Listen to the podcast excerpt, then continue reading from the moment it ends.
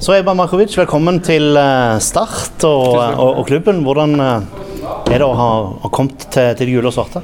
Det er utrolig deilig, det. Jeg er utrolig stolt for å komme her, og det føles veldig bra. Og I dag var det første treninga mi, og det var gøy, det. Ja, Hvordan syns du treninga gikk?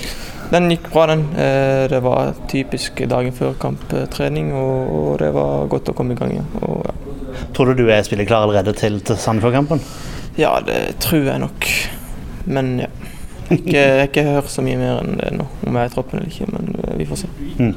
Du tegna en kontrakt som gikk ut eh, 2023-sesongen. eh, Var det betenkelig med, med lengden på kontrakten?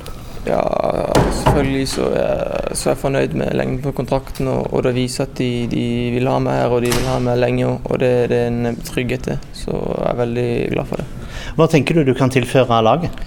Nei, på banen så tror jeg jeg kan eh, tilføre meg mange målpoeng og, og mye fin fotball og en offensiv fotball. Så du skal være med og hjelpe Start opp i eliten. Det, det håper jeg på, ja. Hva tenker du om, om kampen mot, mot Sandefjord?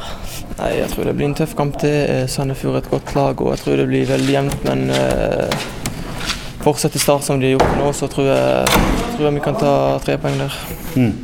Og ikke minst sørge for at flere kommer og ser neste hjemmekamp. Ja, selvfølgelig så hadde det vært gøy med enda flere folk. Og, og hvis vi vinner den kampen, så tror jeg det begynner å komme seg. Du hører Fotballekstra på Radiometro.